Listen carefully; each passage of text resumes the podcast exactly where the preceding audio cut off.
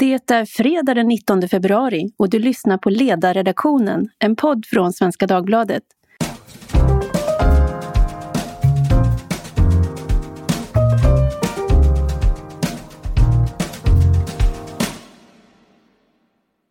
Jag heter Tove Livendal och idag har jag bjudit tillbaka två gäster som besökte podden för exakt 11 månader sedan.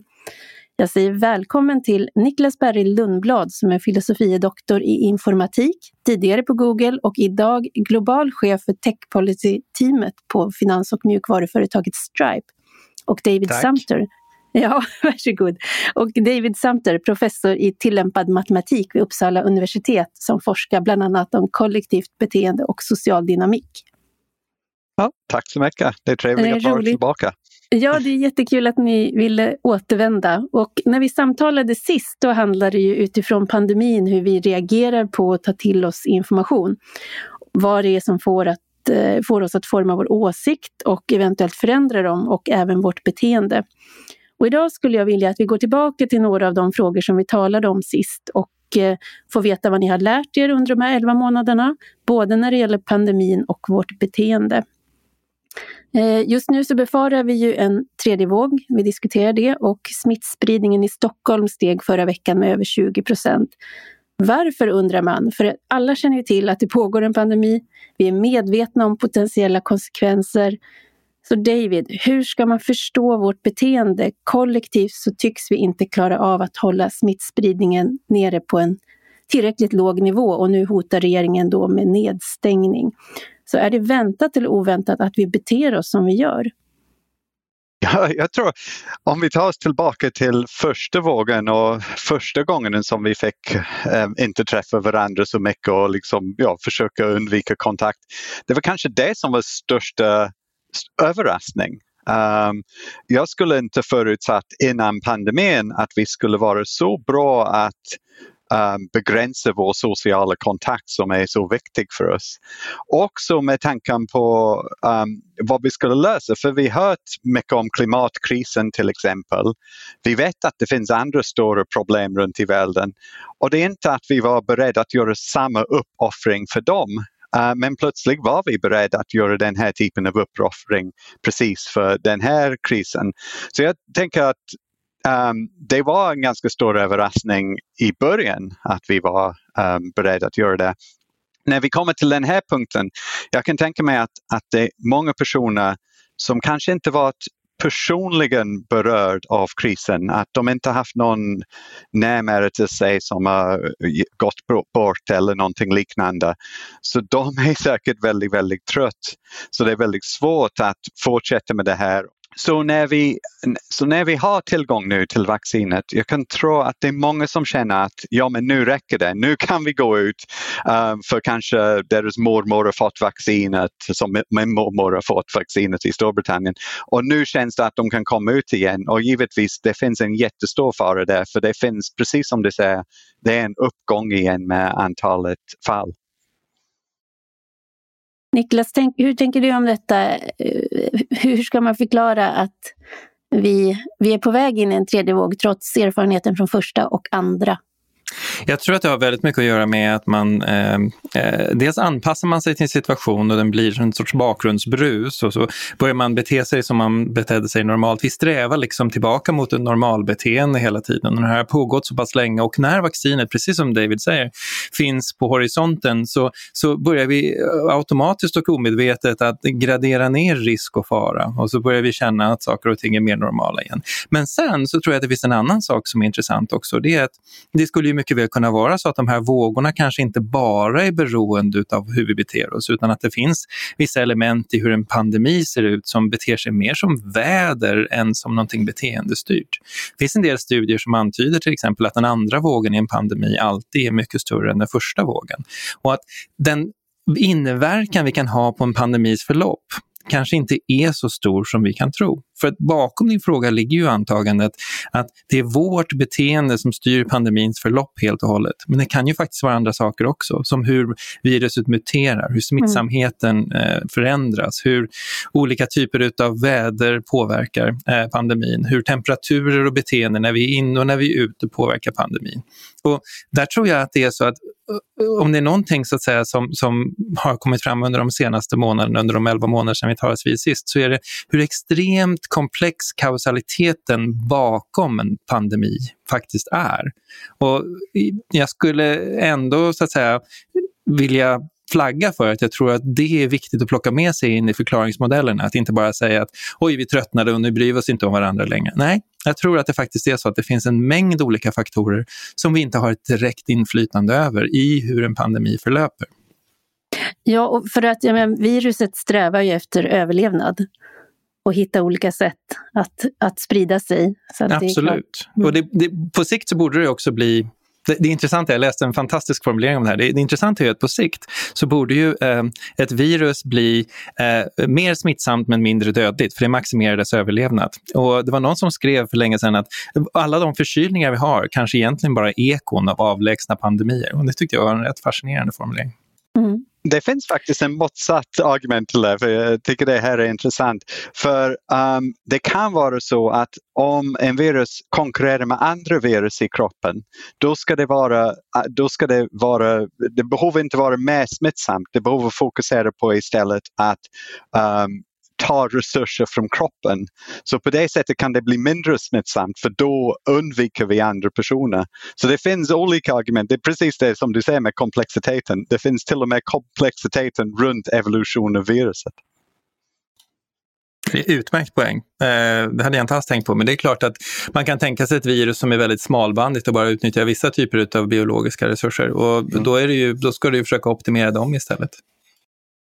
Mm. Det, här är, det är verkligen som en, eh, en det, här, det här är, om man bortser från allt det hemska som har följt med detta, så är det ju också väldigt spännande därför att det är en följetong där du verkligen inte har någon aning om vad som kommer hända i nästa kapitel. Det, hit, och det, så är det ju också när man nu får fler och fler bekanta och vänner som har haft eh, covid och som har väldigt skiftande erfarenhet av både sjukdomen och hur det var att ha det, men också som har olika, ja, som lever med olika konsekvenser av den. Så det är fortfarande väldigt mycket kunskap som inte finns.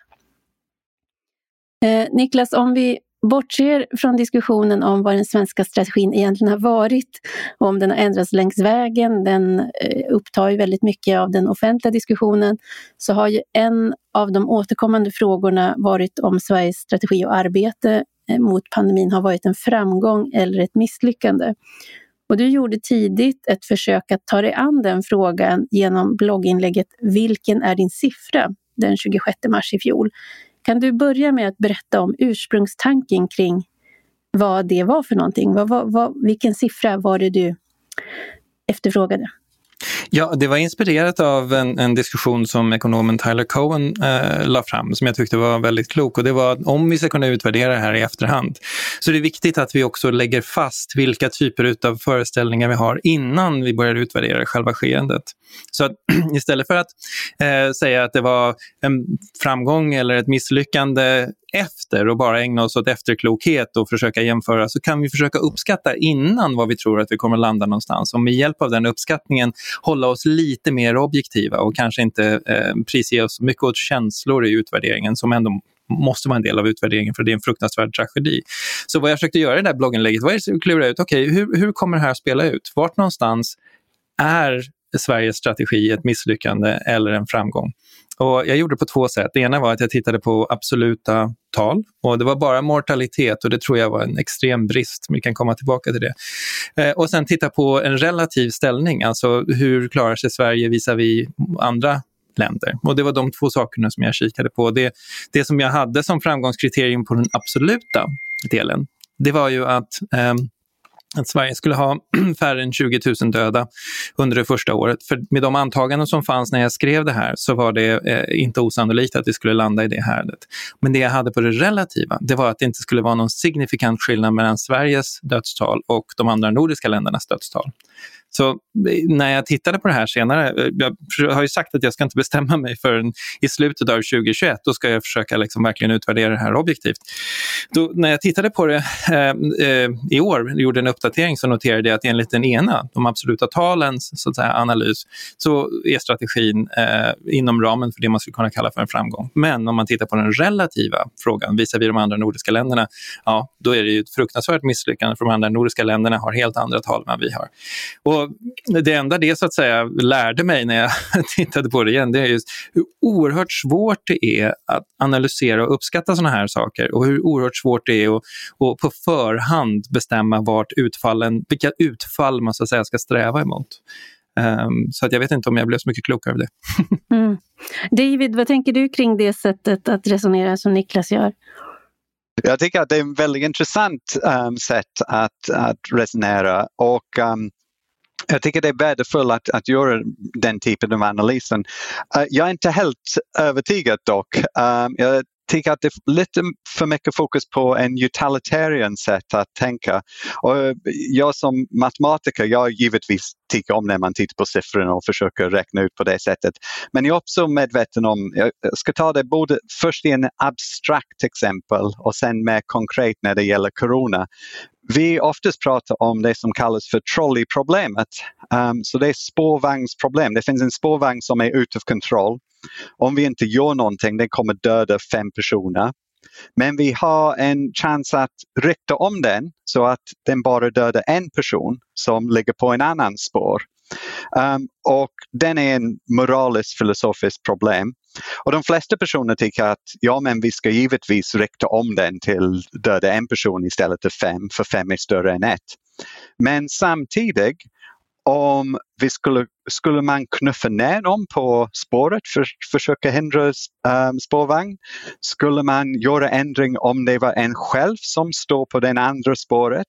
Så om man omformulerar problemställning, man kommer fram till en annan svar. Så det är inte bara siffror som bestämmer vad man ska göra. Och det är det som är grundidén av trolleyproblemet. Idén är inte att tänka precis vad man ska göra, det är mer att den visar att hur problem ställs ändras um, ehm, vår utsikt. Så det är en mer abstrakt exempel.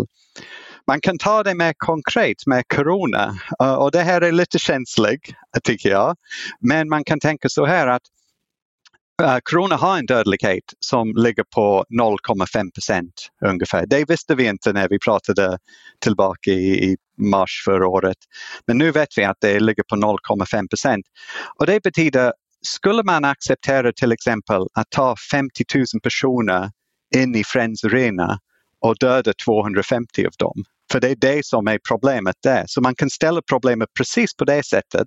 Och det är många som ställer problemet på det sättet och då tycker de stränga restriktioner. Det är precis samma som sak att döda 250 personer i Friends Arena.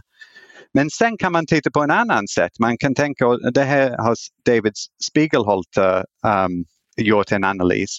Så om man tittar på personer som är över 55, de har dubbelt så stor risk att dö under ehm, um, 2021 om de är infekterade med corona än de skulle vanligtvis ha. Så, så det gäller för alla åldersgrupper. Så om man är 90 år gammal då har man en ganska stor chans att man dör under 2021. Nu om man är infekterad har man dubbelt så stor chans än det och detsamma gäller när man är 60 eller 70. Så då känns det okej, okay, men det är en risk. Det, är inte, det, det, känns som en annan typ av problem. Och sen kan vi titta till exempel på average life expectancy, hur den har utvecklats över de senaste åren och det har gått upp och upp och upp. Vi lever längre och längre och längre. Och nu kommer 2020 på den grafen den kommer se ut som en liten blipp ner, väldigt liten blipp, kanske ner till 2015 nivå och sen kanske det fortsätter att, att uh, klättra upp. Så det beror väldigt mycket på hur man ser på problemet. Det är inte bara de matematiska siffror som ligger bakom det. Mm. Men jag tänker att det, det är ju, eh, jag, ty, jag, jag, tycker att det är, det var modigt eh, av dig Niklas att liksom på något sätt försöka göra det som alla andra passar på. Nämligen att försöka ta dig an problemformuleringen i, i ett tidigare stadium. För som du sa, alla kan vara efterkloka och det har vi ju haft möjlighet att vara hela vägen på något sätt eftersom det inte riktigt har gått i den riktning vi har velat. Men, men samtidigt så blir det ju, jag tänker också att det kan vara väldigt provocerande att sätta upp en siffra därför att politiken är ju också, Eh, det finns ett skäl till att vi säger att ja, vi vill ha en nollvision mot döda i trafiken. Eh, alla vet att vi kommer inte att ha det med mindre än att vi förbjuder all trafik men den politiska ambitionen kan inte vara något annat än att ingen ska behöva dö i trafiken.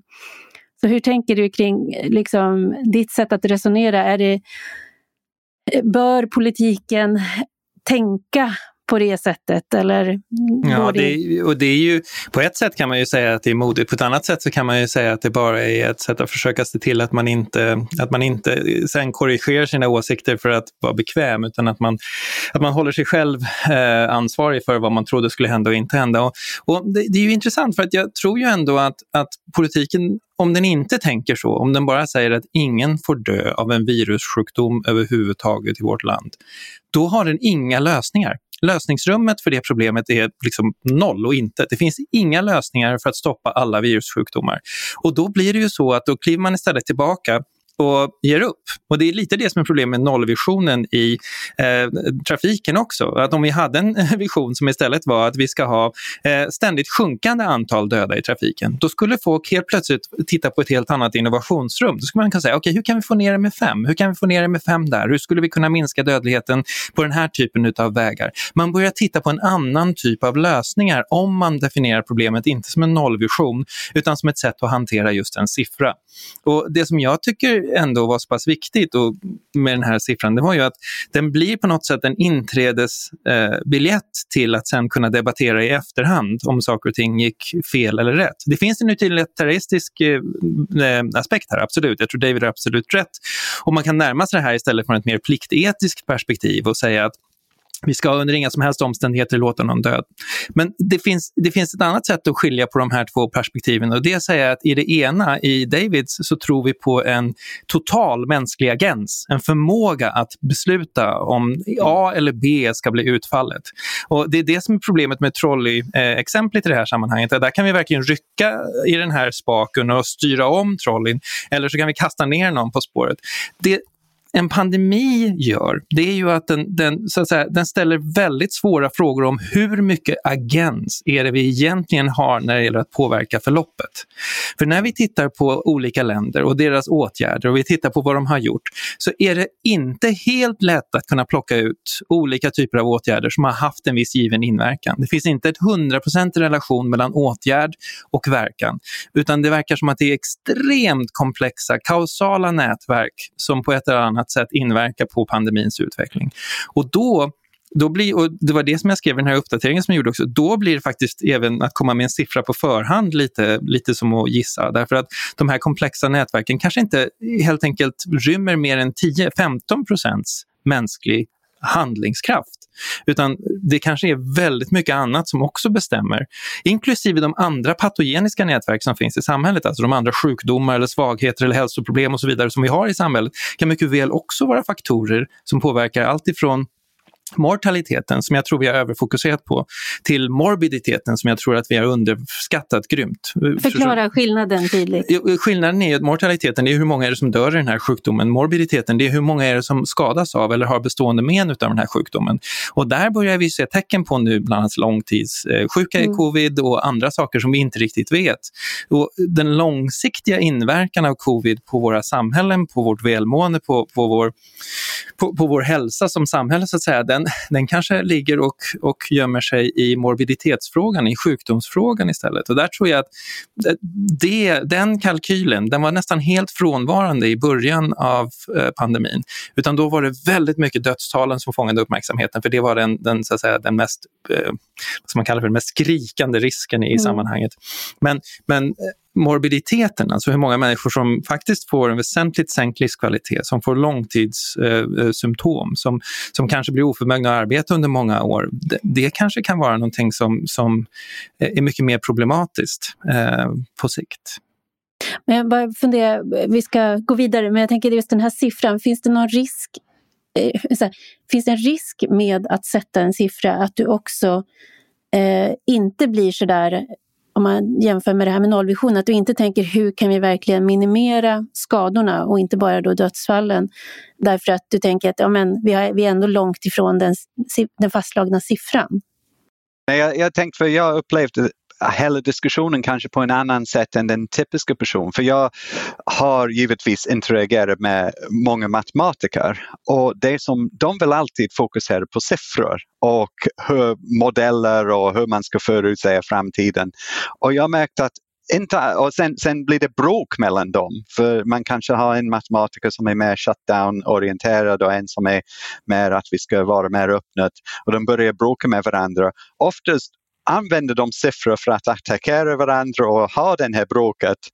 Men de inser inte att det finns en fundamental sätt att man kan inte tänka bara med siffror, man måste tänka på en annan sätt.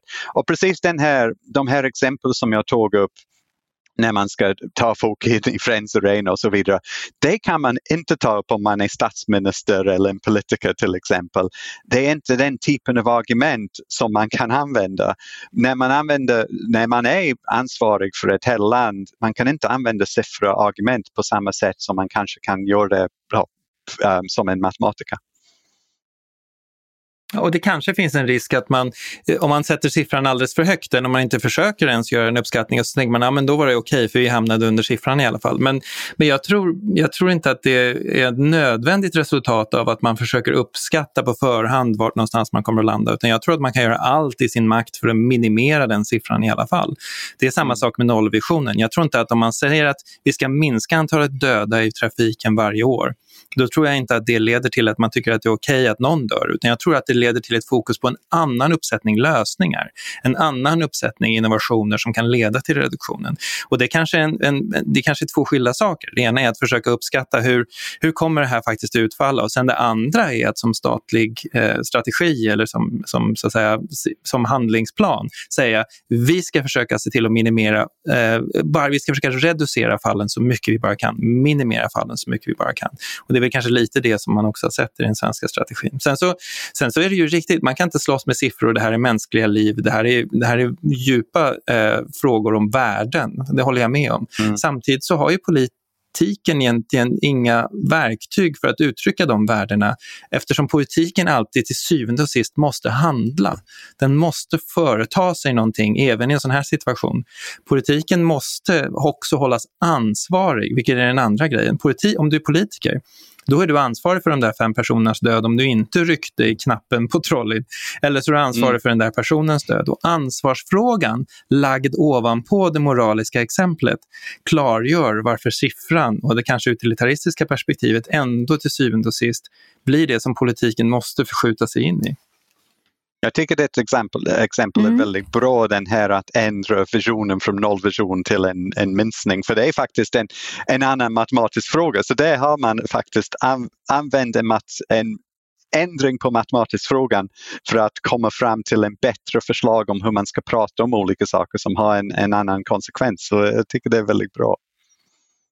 Ja, jag tänker också att med den inställningen kanske också eh, uttrycket från politiken skulle vara annorlunda. Jag eh, har stört mig på, på ett uttalande som eh, socialministern gav när hon eh, förklarade varför man skulle stänga eller avråda från besök på äldreboenden. Hon sa att vi gör det för att hindra smittan att ta sig in på äldreboenden. Och det, där tyckte jag att hon, hon eh, höll upp någonting som hon samtidigt måste veta inte var möjligt. Att hon, hon kunde inte utlova att mm. om vi nu gör det här så kommer vi att hindra smittan att ta sig in. Det är ju nollvision hon uttrycker. Men där kanske det hade varit bättre, en mer realistisk bild att säga att vi ska göra vad vi kan för att minska risken för smittan att ta sig in. Det är en, en liten skillnad men den är inte oviktig därför att den sätter också tror jag, rätt förväntansbild på vad som är möjligt att åstadkomma. Och, och dessutom om man ska vara Eh, bara också rådgivare taktiskt så riskerar mindre av svekdebatter för att man gav en mer rimlig målbild från början. Och kanske också att man faktiskt börjar leta efter olika typer av lösningar för att minimera risken att smittan kommer in. Mm. Istället för att ha en digital lösning som är ett eller noll. Smittan kommer in, antingen kommer de över eh, bron eller så kommer de inte över bron. Och det är inte så ett äldreboende ser ut. Ett äldreboende är ett komplext nätverk av de som jobbar där, de som bor där och så de som kommer in och ut.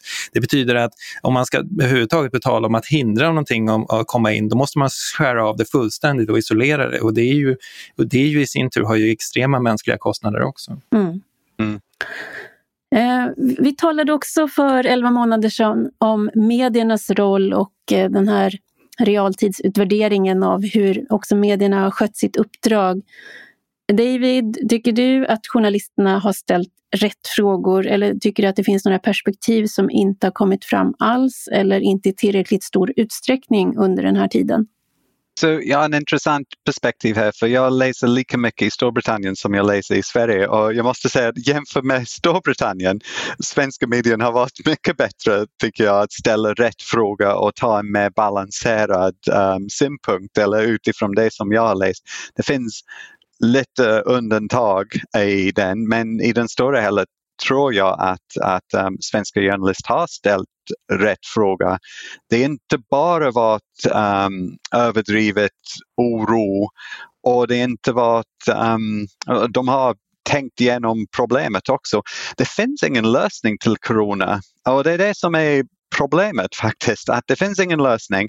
Så det är svårt att ställa frågor. Så det handlar mer om att ha en bra vetenskaplig rapportage, att man förklarar hur det funkar, hur vaccinet funkar och hur matematik används för att beskriva modeller. Och jag har sett att det finns en ökning i hur folk Eh, både i Storbritannien och i Sverige förstår matematiska frågor för de förstår lite nu om epidemiska modell, om exponentiell tillväxt. De här sakerna som jag visste ganska mycket om från undervisning men som var inte så eh, välkänt utifrån. Så från min perspektiv det var jätteintressant att en insikt har kommit in i matematiska modell, modellering också. Mm. Niklas, vad tycker du om journalistiken under den här tiden?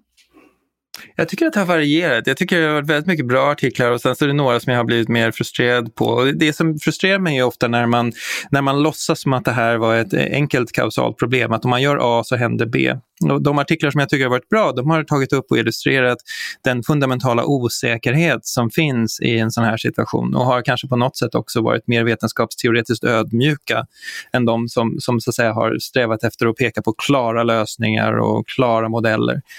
Um, de bästa artiklarna, som David säger, det är ju de som, som så att säga, bryter flera modeller mot varandra och visar att ingen av modellerna är i sig alenarådande eh, bra som förklaring, utan de är någonting som kan hjälpa oss att förstå vad som är ett väldigt komplext problem. Och där känner jag att den typen av journalistik som hjälper oss att förstå att osäkerhet är en fundamental del av vår existens, den är jätteviktig. Därför att vi har överindexerat så mycket på den kvantifierbara risken och missat att det finns riktig osäkerhet i, i så att säga, den traditionella bemärkelsen som inte låter sig kvantifieras i våra samhällen.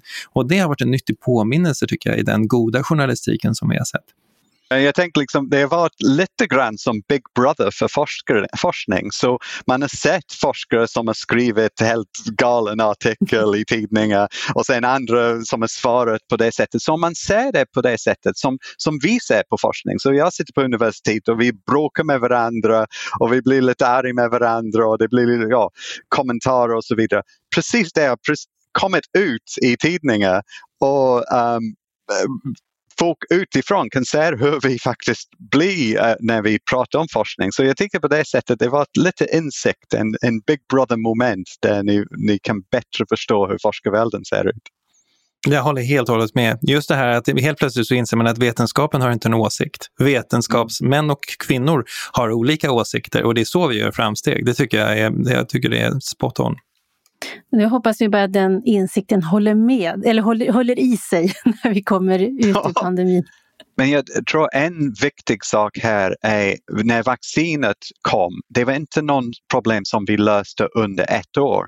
Det var 30 års vaccinforskning som har lett till den här att under ett år vi kunde producera en vaccin. Så jag hoppas att den insikten um, hålls kvar efteråt. Mm. På tal om insikter då, vad är den viktigaste insikten som ni själva har gjort under de här elva månaderna som har gått sedan vi talades vid sist och som ni inte hade då? Um, Okej, okay, jag, jag, kan börja. Um, jag, jag, tror den största insikten det kom direkt med podcasten som vi hade. Att um, du ringde mig eller skickade mig en e-post och sa vill du vara med på min podcast och sen började vi prata. Um, det var den första att jag tror att jag var med på det sättet. Men efter det har jag varit med på massa olika saker som jag har pratat med olika personer runt världen med podcast. Också jag var med och startade en Youtube-kanal där vi pratade om football analytics. Så jag kunde få ut min kunskap i området. Jag tillsammans med en um, analytiker från Barcelona, en från England, Tyskland och Benfica. Vi gjorde en liten Youtube-kanal tillsammans som blev väldigt populär och sen blev det till universitetskurs bara under pandemin. Så det gick från april, mars, april när vi hade första idén till jag hade kurs i september för studenter från hela världen. Och jag har haft undervisning online. Så liksom det här sättet att kommunicera som vi kanske alla hade pratat om att nu eh, kan vi prata med vem som helst i hela världen. Nu är det på riktigt och jag hade inte ens sett hur mycket, hur maktfull det skulle vara. Så, så för mig var det en jättestor insikt och en jättepositiv sak som har kommit från Corona. Kul. Niklas? Jag tror att den kanske största insikten för mig eh, har varit att eh, de klassiska politiska skiljelinjerna som jag alltid har uppfattat som definierande i mycket av, av mitt sociala nätverk och de jag, de jag umgås med och sådär, de eh, var inte alls till någon hjälp när man skulle försöka förutsäga hur folk skulle ställa sig till pandemin.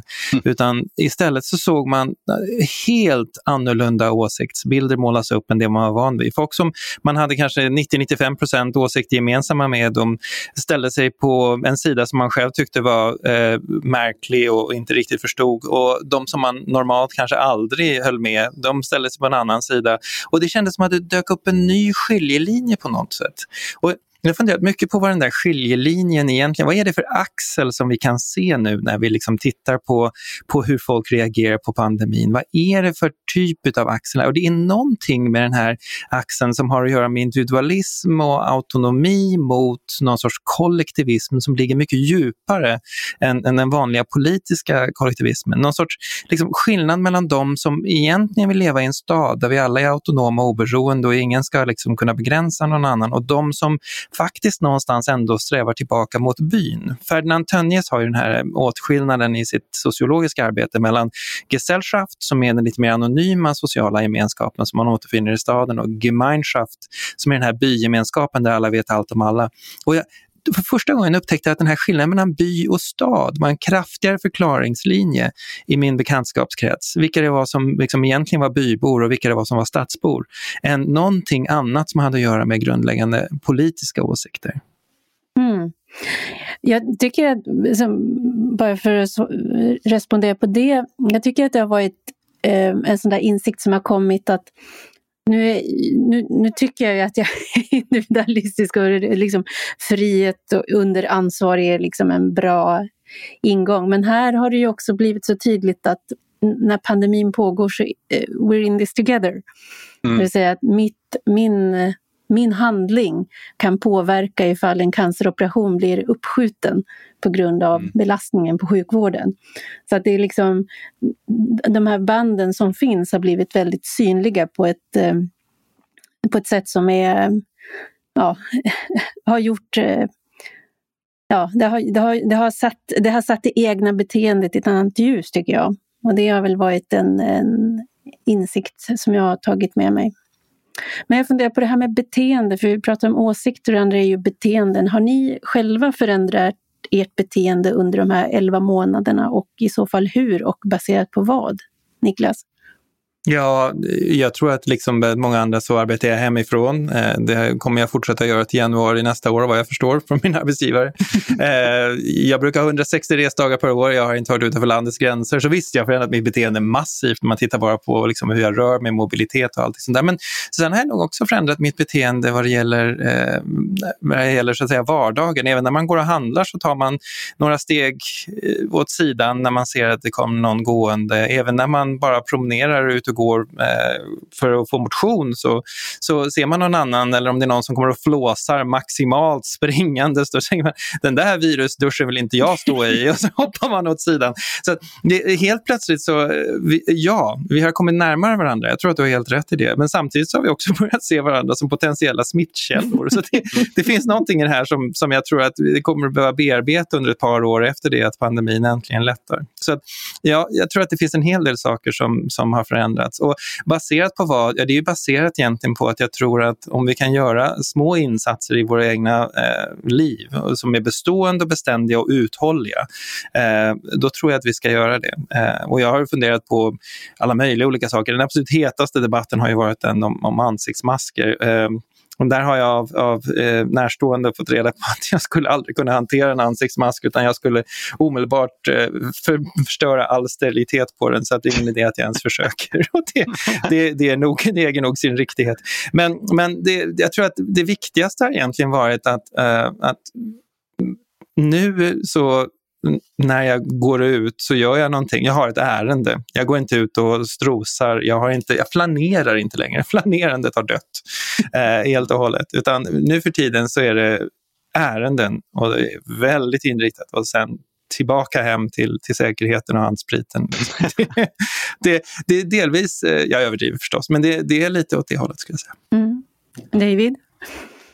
Nej, jag, jag har gjort alla de typiska saker, fullt restriktioner och så vidare. Um, men jag ska också säga att det inte ändrat mig så jättemycket på grund av att ja, jag sitter här och gör min forskning, jag skriver böcker, um, jag undervisar, jag får fortfarande gå in till universitet för att sitta framför kamera och undervisa där istället, um, för jag gör så mycket ljud hemma.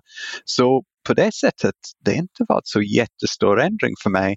Bortsett, bortsett från den här um, som jag pratade om tidigare, att jag känner att jag kommit i kontakt med personer internationellt på ett sätt som jag skulle inte tidigare ha gjort. Så jag kanske reste inte lika mycket som Niklas, men jag reste en hel del. Men man träff, träffar andra typer av personer um, via internet och man har, har andra samarbetsform. Um, så för mig den är den största, största ändring. Eh, de typer av personer som jag kommit i kontakt med och de samarbeten som jag har um, börjat jobba med. Uh, till exempel framförallt fotbollsprojektet när vi kunde göra någonting som var ofattbart om vi alla måste fortsätta jobba som vanligt. Mm. Eh, ni medgav ju båda när vi talades vid i mars att ni kände rädsla och Eh, vi talade då om det här med osäkerheten som vi inte hade kunskap nog för att omsätta i en mätbar risk. Hur är det idag? Är ni fortfarande rädda och hur ser den rädslan i så fall ut? Jag var lite överraskad när du sa att jag sa att jag var rädd då, um, men jag kanske var. Det var, det, det var en orosmoment. Uh, för mig den, jag lugnade ner mig ganska snabbt när jag visste den här siffran som jag tog upp tidigare med 0,5% dödlighet. Så jag visste att jag var inte i någon riskzon. Så det kan, vara, det kan låta selfisk men man blir omedelbart mindre rädd om man vet det. Och sen finns det givetvis risker för andra och då finns det åtgärder som man, man måste ta. Så det jag, jag har gjort är följt alla restriktioner um, som finns för att... Um, och sen, okej, okay, så du frågade är jag rädd för förändra? Och jag måste säga nej. Jag tycker det här på något sätt det har varit väldigt mycket positivt om den här collective action som vi har gjort tillsammans. Och jag tror det ser mycket positivt när vi tänker på klimatkrisen och andra gemensamma projekt, um, problem som vi har runt hela världen. Um, så och det här att vi blev av med Donald Trump, um, att för mig personligen Brexit nu är det löst i alla fall. Det känns som en väldigt positiv framgång just nu. Så nej, jag är inte rädd. Jag, jag ser fram emot, och min, min mormor som är 99 hon har fått vaccin, så nej, jag är inte rädd. Härligt. Niklas?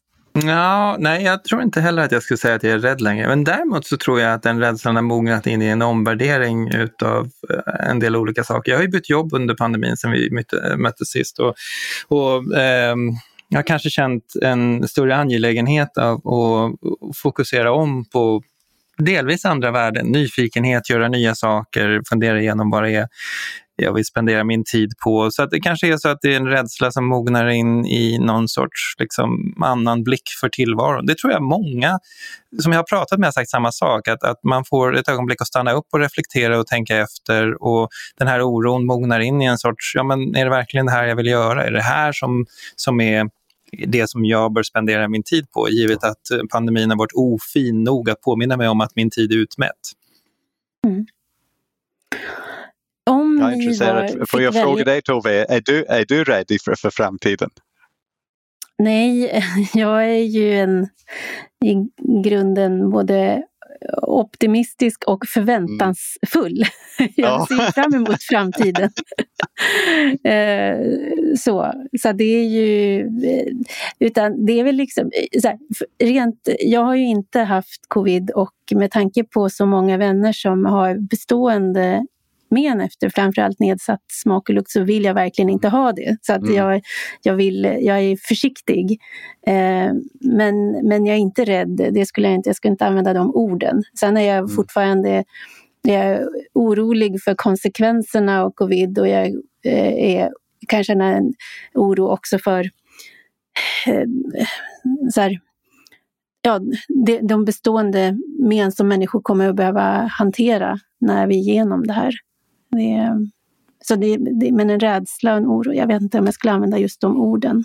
Kanske en, en viss sorg för, för det, det, är ett, det är någonting väldigt eh, jag menar, det, har ju, det har varit ett, ett förfärligt, en förfärlig upplevelse och är fortfarande och nu tillhör ju vi en del av världen som är, som är väldigt privilegierad kan man säga. Vi har, väldigt, vi har det väldigt bra på många sätt men det är ju förödelse i stora delar av världen där människor har förlorat allt och inte har någon möjlighet att äh, stänga in sig i något hem ens en gång. Så det, det är väl det där att vi vår, vårt, vårt samhälle som vi innan pandemin bröt ut var så upptagna med att tala om hur polariserat det blivit och de skilda verkligheterna. Så är det ju fortfarande och det är också så att i pandemin så har vi högst olika erfarenheter av vad det har inneburit. Mm. Medan somliga har kunnat leva ganska skyddat och inte varit i kontakt med det och andra lidit stora förluster. Men på en världs, aggregerad världsnivå så är det ju liksom makalösa skillnader. Mm. Så att, eh, det, men jag tänker att, att det finns mycket lärdomar att dra och insikter och om man fokuserar på dem så kan man också skapa någonting bra ur den här erfarenheten. Mm. Men eh, jag tänker så här att om ni nu då fick ni fick, ni fick vara statsepidemiolog eller statsminister för en dag. Vad skulle ni göra då? I den händelse kanske någon lyssnar nu så kan de få goda råd. Så, en dag? Um, ja. och, och, du menar specifikt med corona eller med liksom vad ja, som helst? Ja, eh, faktiskt. Vi, vi, vi, fokuserar på det. Oj, vänta lite. Niklas, du tar det först då. Jag ska tänka. Ja, jag är inte alls övertygad om att, framförallt skulle jag nog inte vilja vara statsepidemiolog en dag. Jag tror att det är ett väldigt svårt jobb eh, och har full respekt för att det finns människor som, som eh, tar på sig den typen av rätt svåra arbeten. Däremot statsminister tycker jag är intressant, för hade man lite mer än en dag på sig, då skulle man kanske möjligen försöka ta tillbaka det politiska perspektivet på en samhällelig kris. Och säga att det är fantastiskt att vi har eh, vetenskapen och att vi har ekonomerna och att vi har alla de här, men det fundamentala politiska problemet är hur lever vi tillsammans?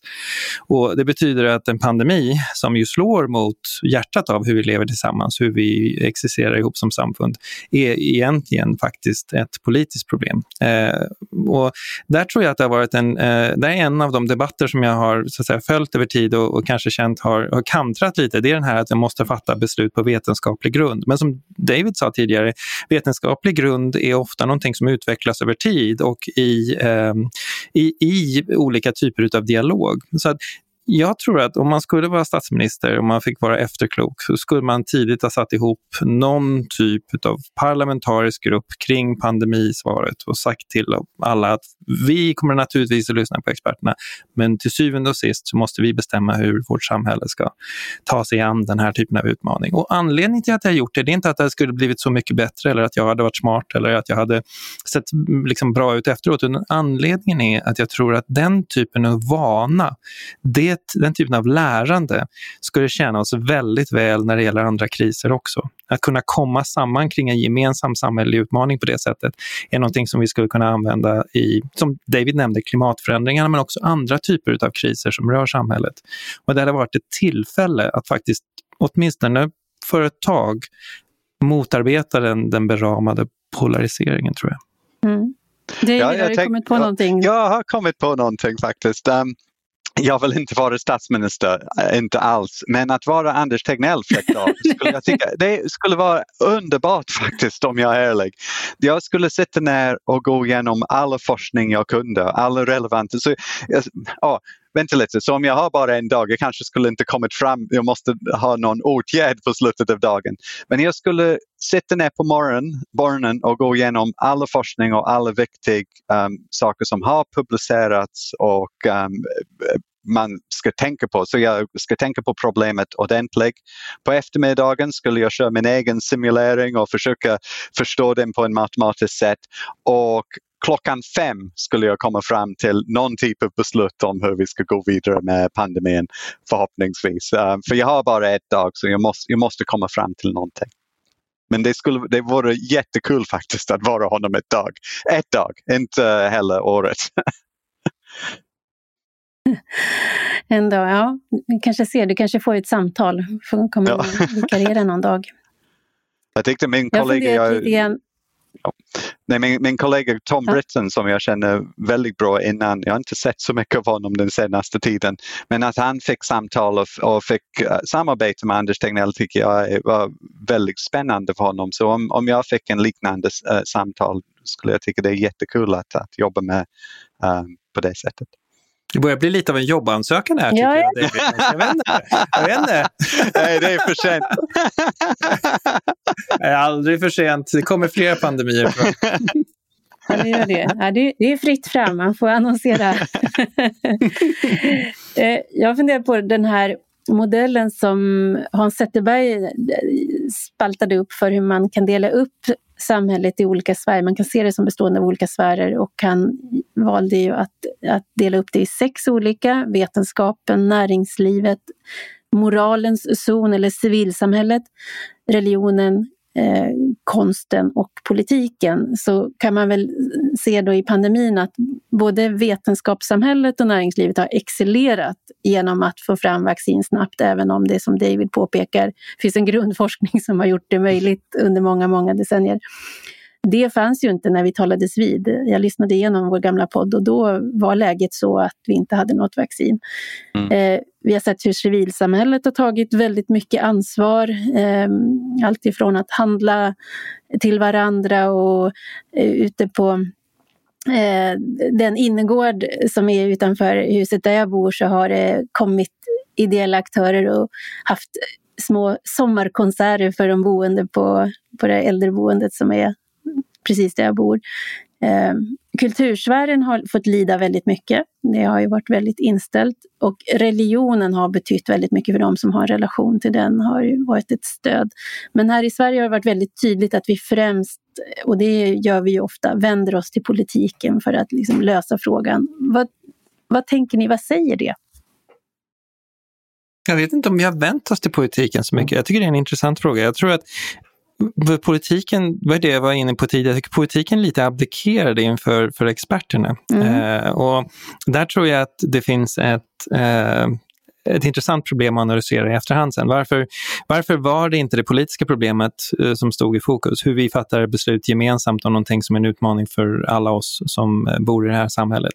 Utan varför förvandlade vi det så snabbt till ett expertproblem? Även om expertkunskapen är fruktansvärt viktig så är det ju eh, en aspekt utav ett komplext problem. Så att jag, vet inte, jag vet inte om och jag läste mycket kommentarer om Sverige utomlands ifrån handlar också om, om vår tro på expertis och hur vi så att säga förvandlar det här till en tjänstemannafråga. Jag, jag håller med, för i Storbritannien det känns som politiker har fått mycket mer inflytande i beslutsprocessen. Så, så kanske om, om det är politik att säga att vi överlåter allting till Anders Tegnell och company um, att styra upp det. Då är det en politisk fråga men jag, jag, det känns för mig att det har varit ganska okej, okay, vi har fattat vissa beslut som är annorlunda än andra platser i världen. Men det känns som den är ändå vetenskaplig baserad och inte varit um, politisk motiverad. Men men det var du som ställde frågan Tove, så du, kanske du kan förklara lite om vad du tänkte runt politiska frågan. Ja, nej men jag, jag, en av de sakerna som eh, kopplat också till mediernas roll handlar ju om att, att våra politiker väldigt tidigt intog positionen att vi ska lyssna på experterna, vi ska lyssna mm. på vetenskapen.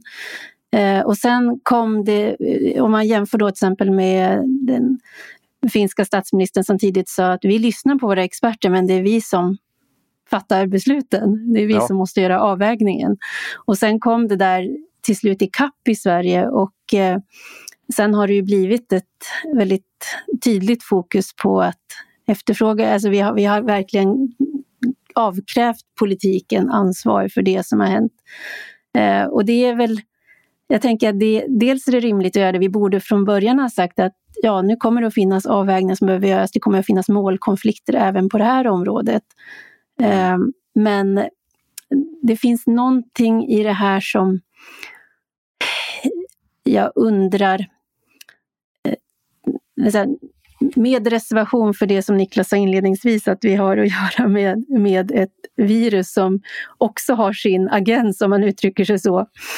Så har det, det blir liksom, när det blir stor smittspridning på ett ställe därför att människor uppenbart eh, kanske inte följer rekommendationer, så blir det ändå politikerna som måste göra någonting åt det. Det blir liksom inte en vädjan till att eh, ja, vi, vi, vi, vi, vi gör oss ibland, tycker jag, mindre än vad vi borde göra. Mm. Ja, men det finns ju, eh, den poängen, är, den, den där håller jag däremot med, för där tror jag att det är så att vi har eh, väldigt ofta så är det ju så att vi lyfter ansvaret ifrån medborgaren och individen och istället lägger över det på systemet. Och på något sätt så är det ju så att, att även här har vi begärt att systemet ska komma med lösningar på vad som ytterst handlar om vårt individuella beteende. Och det är där någonstans också som, som eh, en viss auktoritär inställning till, till medborgarna har dykt upp där man säger att nu måste vi ha de här pandemilagarna, nu måste vi se till att vi kan stänga ner samhället. Så det har blivit eh, en sorts Eh, och där har du ju helt rätt, det har blivit en drift mot att överlåta mer av makten över våra egna liv till politiken. Det har blivit ett resultat utav vad som eh, intressant nog är politikens misslyckande. Och där någonstans så, så, känner jag, där finns det en olöst konflikt som, som kommer att spela ut under tiden efter pandemin med, med alla de här olika typerna av kommissioner och undersökningar som man kommer att göra. För att det, det, där skårar det lite falskt för mig när det finns människor som normalt är väldigt liberala och har en, en, en sund syn på individuellt ansvar, som här vill lämna över en enorm massa makt till staten för att staten ska kunna stänga ner eh, samhället på olika sätt. Det, det kan jag tycka är extremt förbryllande. Mm. Jag tänkte på en, det som, är, det som jag tror blir väldigt mycket frustration, det är ju också att eh, eh jag tyckte det blev synligt när vi hade en, en, en, en diskussion om eh, de här rekommendationerna som kom ut i äldreboenden om hur man skulle göra med äldre som när, när de blev smittade med covid. Hur skulle man göra då? Och, eh, ibland, I vissa fall har det då satts in palliativ vård där det kanske då skulle ha varit så att man hade fått komma in på sjukhus och fått sjukhusvård. Och där, har, där blev det ju väldigt tydligt att enskilda personer såg på sitt personliga ansvar på olika sätt. Jag hade en intervju med en person som sa, som försökte fundera, vad betyder det här? Jo, det betyder att om min mamma blir gammal, eller min mamma blir smittad så kommer de, de kommer inte göra någonting. De kommer låta, ja, ge henne smärtlindring men de kommer inte försöka bota det så att säga. Så mm. att vi tar hem henne så att hon i alla fall inte behöver dö själv. till smittan är över, medan andra eh, gjorde andra beslut och hade föräldrar som fick dö själv. Och där tänker jag att det som hade behövts ifrån politikens sida hade ju varit en transparens. Vad innebär det att vi är i ett läge där, eh, där vi inte kommer att kunna erbjuda alla eh, den vård som vi kanske i normala fall hade gjort. Vad, vad, kan det bli, vad kan konsekvensen bli och på det sättet ha en tydlig och öppen och transparent dialog med medborgarna och sen säga att ni, ni måste själva fatta de här besluten. Så det är ja, precis. som jag tänker. Det är en väldigt konkret exempel och det har kommit upp, jag tror att för många är det underförstått de här typen av konsekvenser, precis som du berättade i historien. Det är en väldigt sorglig historia att man måste göra en sån val. Och det är svårt, det är nästan omöjligt för en politiker att säga någonting om den typen av val. Att vara, vara liksom ärlig om det på det sättet, tror jag. Um, det känns som det är väldigt lätt att misstolka um, oavsett vad man säger om det. Det blir väldigt svårt att misstolka. Så eh, om vi går tillbaka hela vägen tillbaka till början av vår diskussion när det handlar om siffror och användning av siffror. Det här är också på något sätt en siffra. Det är en, en sannolikhet eller en tid som man har tillsammans med en person. Um, och det är väldigt svårt att presentera den siffran till en person som är döende hur lång tid man har till exempel. Um, så det blir ofta så att, att det är underförstått att, att vi gör på det sättet för den här anledningen för alla som är inblandade och på det sättet är det jätte, jättesvårt att vara ärlig helt enkelt. Ja, jag tycker det är ett väldigt intressant exempel och jag tycker det tyder just på den här balansen uh, när det gäller moraliskt ansvar då, mellan medborgare och stat. Vem är det som har det moraliska ansvaret här? Är det, är det barnen till den här äldre personen som ligger inlagd eller är det staten? Och jag håller med dig, jag tycker staten kunde klart ha kommunicerat att här finns ett val. Vi kommer som strategi att bara uh, lägga på palliativ vård om det är så att någon över en viss ålder eller med en viss typ av sjukdomsbild blir diagnostiserad diagnostiserad med covid-19. Det betyder att de kommer isoleras och det betyder att de kommer att leva så här. Då hade vi kunnat prata om det. Men det är väldigt mycket av de här besluten som bara sker på något sätt mm. automatiskt, som bara faller på plats och som ingen talar om därför att det är jobbigt att tala om dem, som David säger. Och där tror jag att det finns, det finns en, en annan dimension i ansvaret och det är det offentligas ansvar att vara ärlig emot medborgarna, att faktiskt kommunicera om de här sakerna. Det är samma sak när man skulle börja titta på om det var nödvändigt att prioritera i eh, IVA-vården. Eh, då kallades det in en massa medicinska etiker och kommittéer och annat och, och läkarna sa att de ville väldigt gärna ha råd men det fanns inte en politiker så långt ögat kunde se för det fanns ingen som vågade ta i den diskussionen. Samtidigt så är det ytterst en politisk fråga hur vi förhåller oss till de här sakerna. Medicinska etiker är all ära men det politiska problemet, hur vi lever ihop och vilka vi är efter krisen, det kan man inte abdikera ifrån. Och det gjorde man i många av de här sammanhangen. Så där tror jag att det är en, det är en annan eh, Eh, aspekt av detta som, som gör det ännu mer mystiskt för mig varför man skulle vilja ge mer makt till en stat som man vet inte förmår kommunicera de riktigt svåra värdekonflikterna till oss. Mm. För det finns, eh, nu går jag lite utifrån en, en ehm, um, brittiskt perspektiv, men i Storbritannien det finns hur mycket, det finns um, en guideline, rådgivning över hur mycket man ska spendera för att rädda ett liv av en person som är en viss ålder och det måste finnas någonting liknande i, um, i, i, i, Sverige.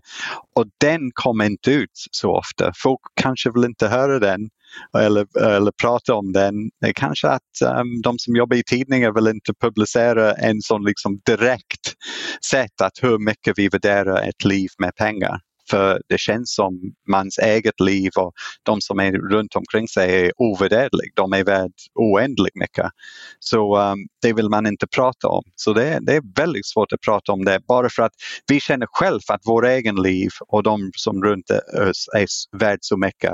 Att vi vill inte höra en siffra av hur mycket vår värld är faktiskt värd till staten. Ja, det är också en sak vi kan lägga till listan då över saker som vi hoppas att vi kan ta med oss ur det här. Kanske en förmåga att tala mer ärligt och transparent. Mm. Eh, på mitt jobb som just nu är då mitt hemmakontor, eh, men, men på min arbetsplats eh, så håller vi på att tänka om rejält för hur vi kommer att arbeta postpandemin och det kommer inte att bli som förut utan förhoppningsvis bättre, men det är väldigt praktiskt också med andra kontorslösningar när vi förväntar oss att en stor andel kommer att vilja fortsätta jobba hemma en större del av tiden än tidigare. Vilka förändringar tror ni att vi kommer att få se i den vaccinerade världen, stort och smått? Det uppenbara är den du säger. Jag tror vi kommer att organisera arbetet på ett helt annat sätt än vad vi gjort tidigare. Vi kommer i väldigt stor utsträckning att arbeta, inte bara från arbetsplatsen, utan att arbeta ifrån våra hem eller ifrån, eh, i de fall vi är privilegierade nog att ha en sommarstuga så är det folk som kommer att arbeta där mer. Och därmed så kommer gränsen mellan arbete och liv att bli väldigt intressant. Eh, man kommer att vara tvungen att fundera på hur man upprätthåller den.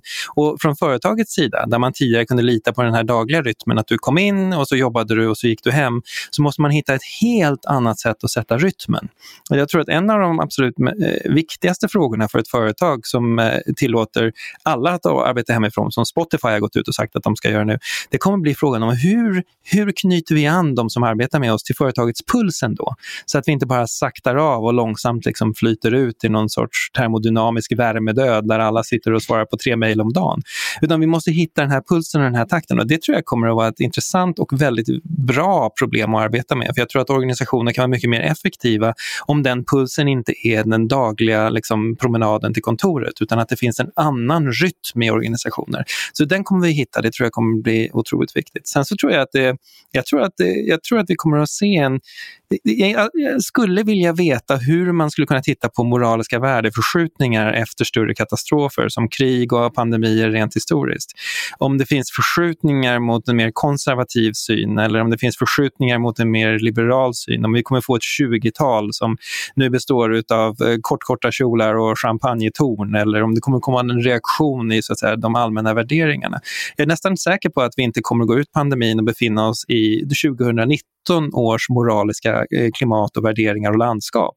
Jag tror vi kommer att hamna i någonting helt annat. Men om det blir en ökad rädsla för osäkerheten i samhället eller om det blir en laissez-faire, låt oss leva medan vi kan, eh, Lasse Berghagen-ideologi som tar över, det, det, det, det låter jag vara osagt. Jag tror att den nu uppväxande generationen, där finns det en viss risk att, vi, att, att de växer upp eh, med terrorism och pandemi, två ansiktslösa hot som, som de har så att säga, ställts inför under sina tidigaste, mest formativa år, som faktiskt skulle kunna förvandla dem till en, en eh, mycket försiktig, för att inte säga räddhågsen generation. Det där eh, får vi se. Men jag tror att det är rätt givet att vi kommer att ha ett annat moraliskt, värderingsmässigt landskap efter pandemin än vi hade innan. Eller också blir de ehm. mycket järvare. De lever som om varje dag vore den sista de blir. Ja, jo, ja, ja kanske. Det, det, jag tror att det, det, man kan verkligen tänka sig båda lösningarna där. Men eh, ja, jag undrar. Vi får se. Mm.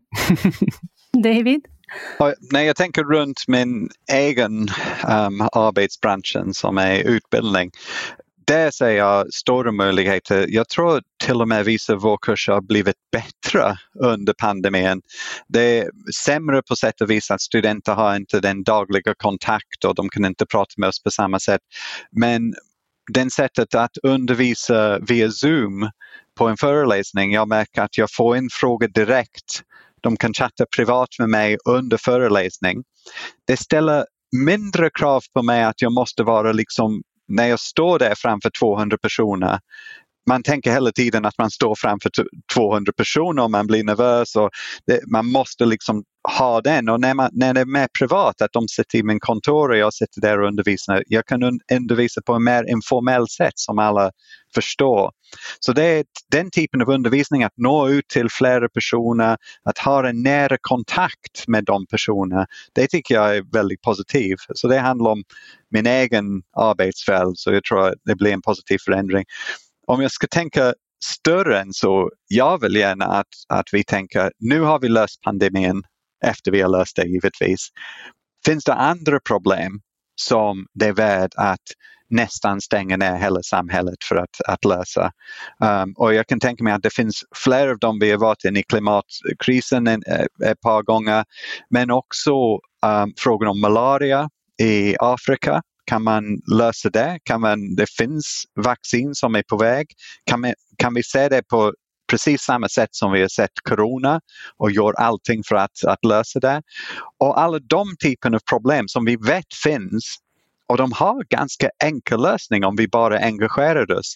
Jag har en förhoppning att vi kommer fortsätta och se om vi kan lösa de problem också. Låt oss hoppas. Eh, vi ska mm. avrunda och det gör vi med eh, våra stående fredagsfrågor. Så vad gör ni i helgen och har ni något tips till lyssnarna att dela med er av? David? Och jag ska ta det lugnt. Vi hade um, firande med min dotter som fyllde 18 år eh, uh, före helgen så den här helgen ska vi ta det lugnt. Men jag har lite tips faktiskt. Jag har en tips av en sak som vi gör nästan varje helg tillsammans med min familj i Storbritannien. Vi spelar dataspelet Among us. Um, jag vet inte om ni känner till spelet, men mm. en av, det är tio personer som är på en rymdkraft och en eller två av de här personerna är mördare och ska döda de andra och sen ska de andra lista ut vem har, um, vem har död eller vem är den här traitor um, som, som gör det. Och den har varit jättekul så det är en väldigt bra sätt för mellan spelen när vi sitter och pratar med varandra, småpratar, att göra någonting tillsammans med hela familjen. Um, tio personer som spelar samtidigt tycker jag är jättekul. Så Among us till helgen blir det. En, en familjegemenskap med mördare och förrädare.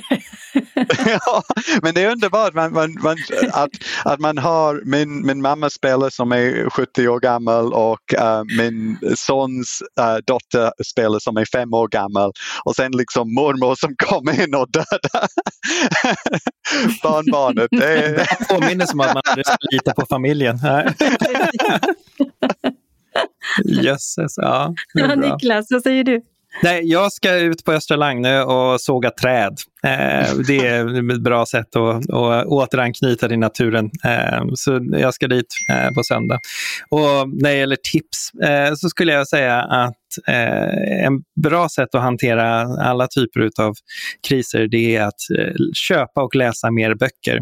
Jag såg till min stora förskräckelse att Hedengren ska flytta. Det här är ett Stockholmsproblem, men jag tror att, att köpa och läsa mer böcker är det absolut bästa tipset för alla typer av kriser, ständigt, hela tiden. Då tar vi med oss det. Stort tack Niklas Berg Lundblad och David Samter för att ni ville vara med i podden idag. Tack så, Tack så mycket. Tack till er som har lyssnat. Har ni frågor eller funderingar så hör ni som vanligt av er till ledarsidan svd.se. Producent idag var Jesper Sandström. Trevlig helg!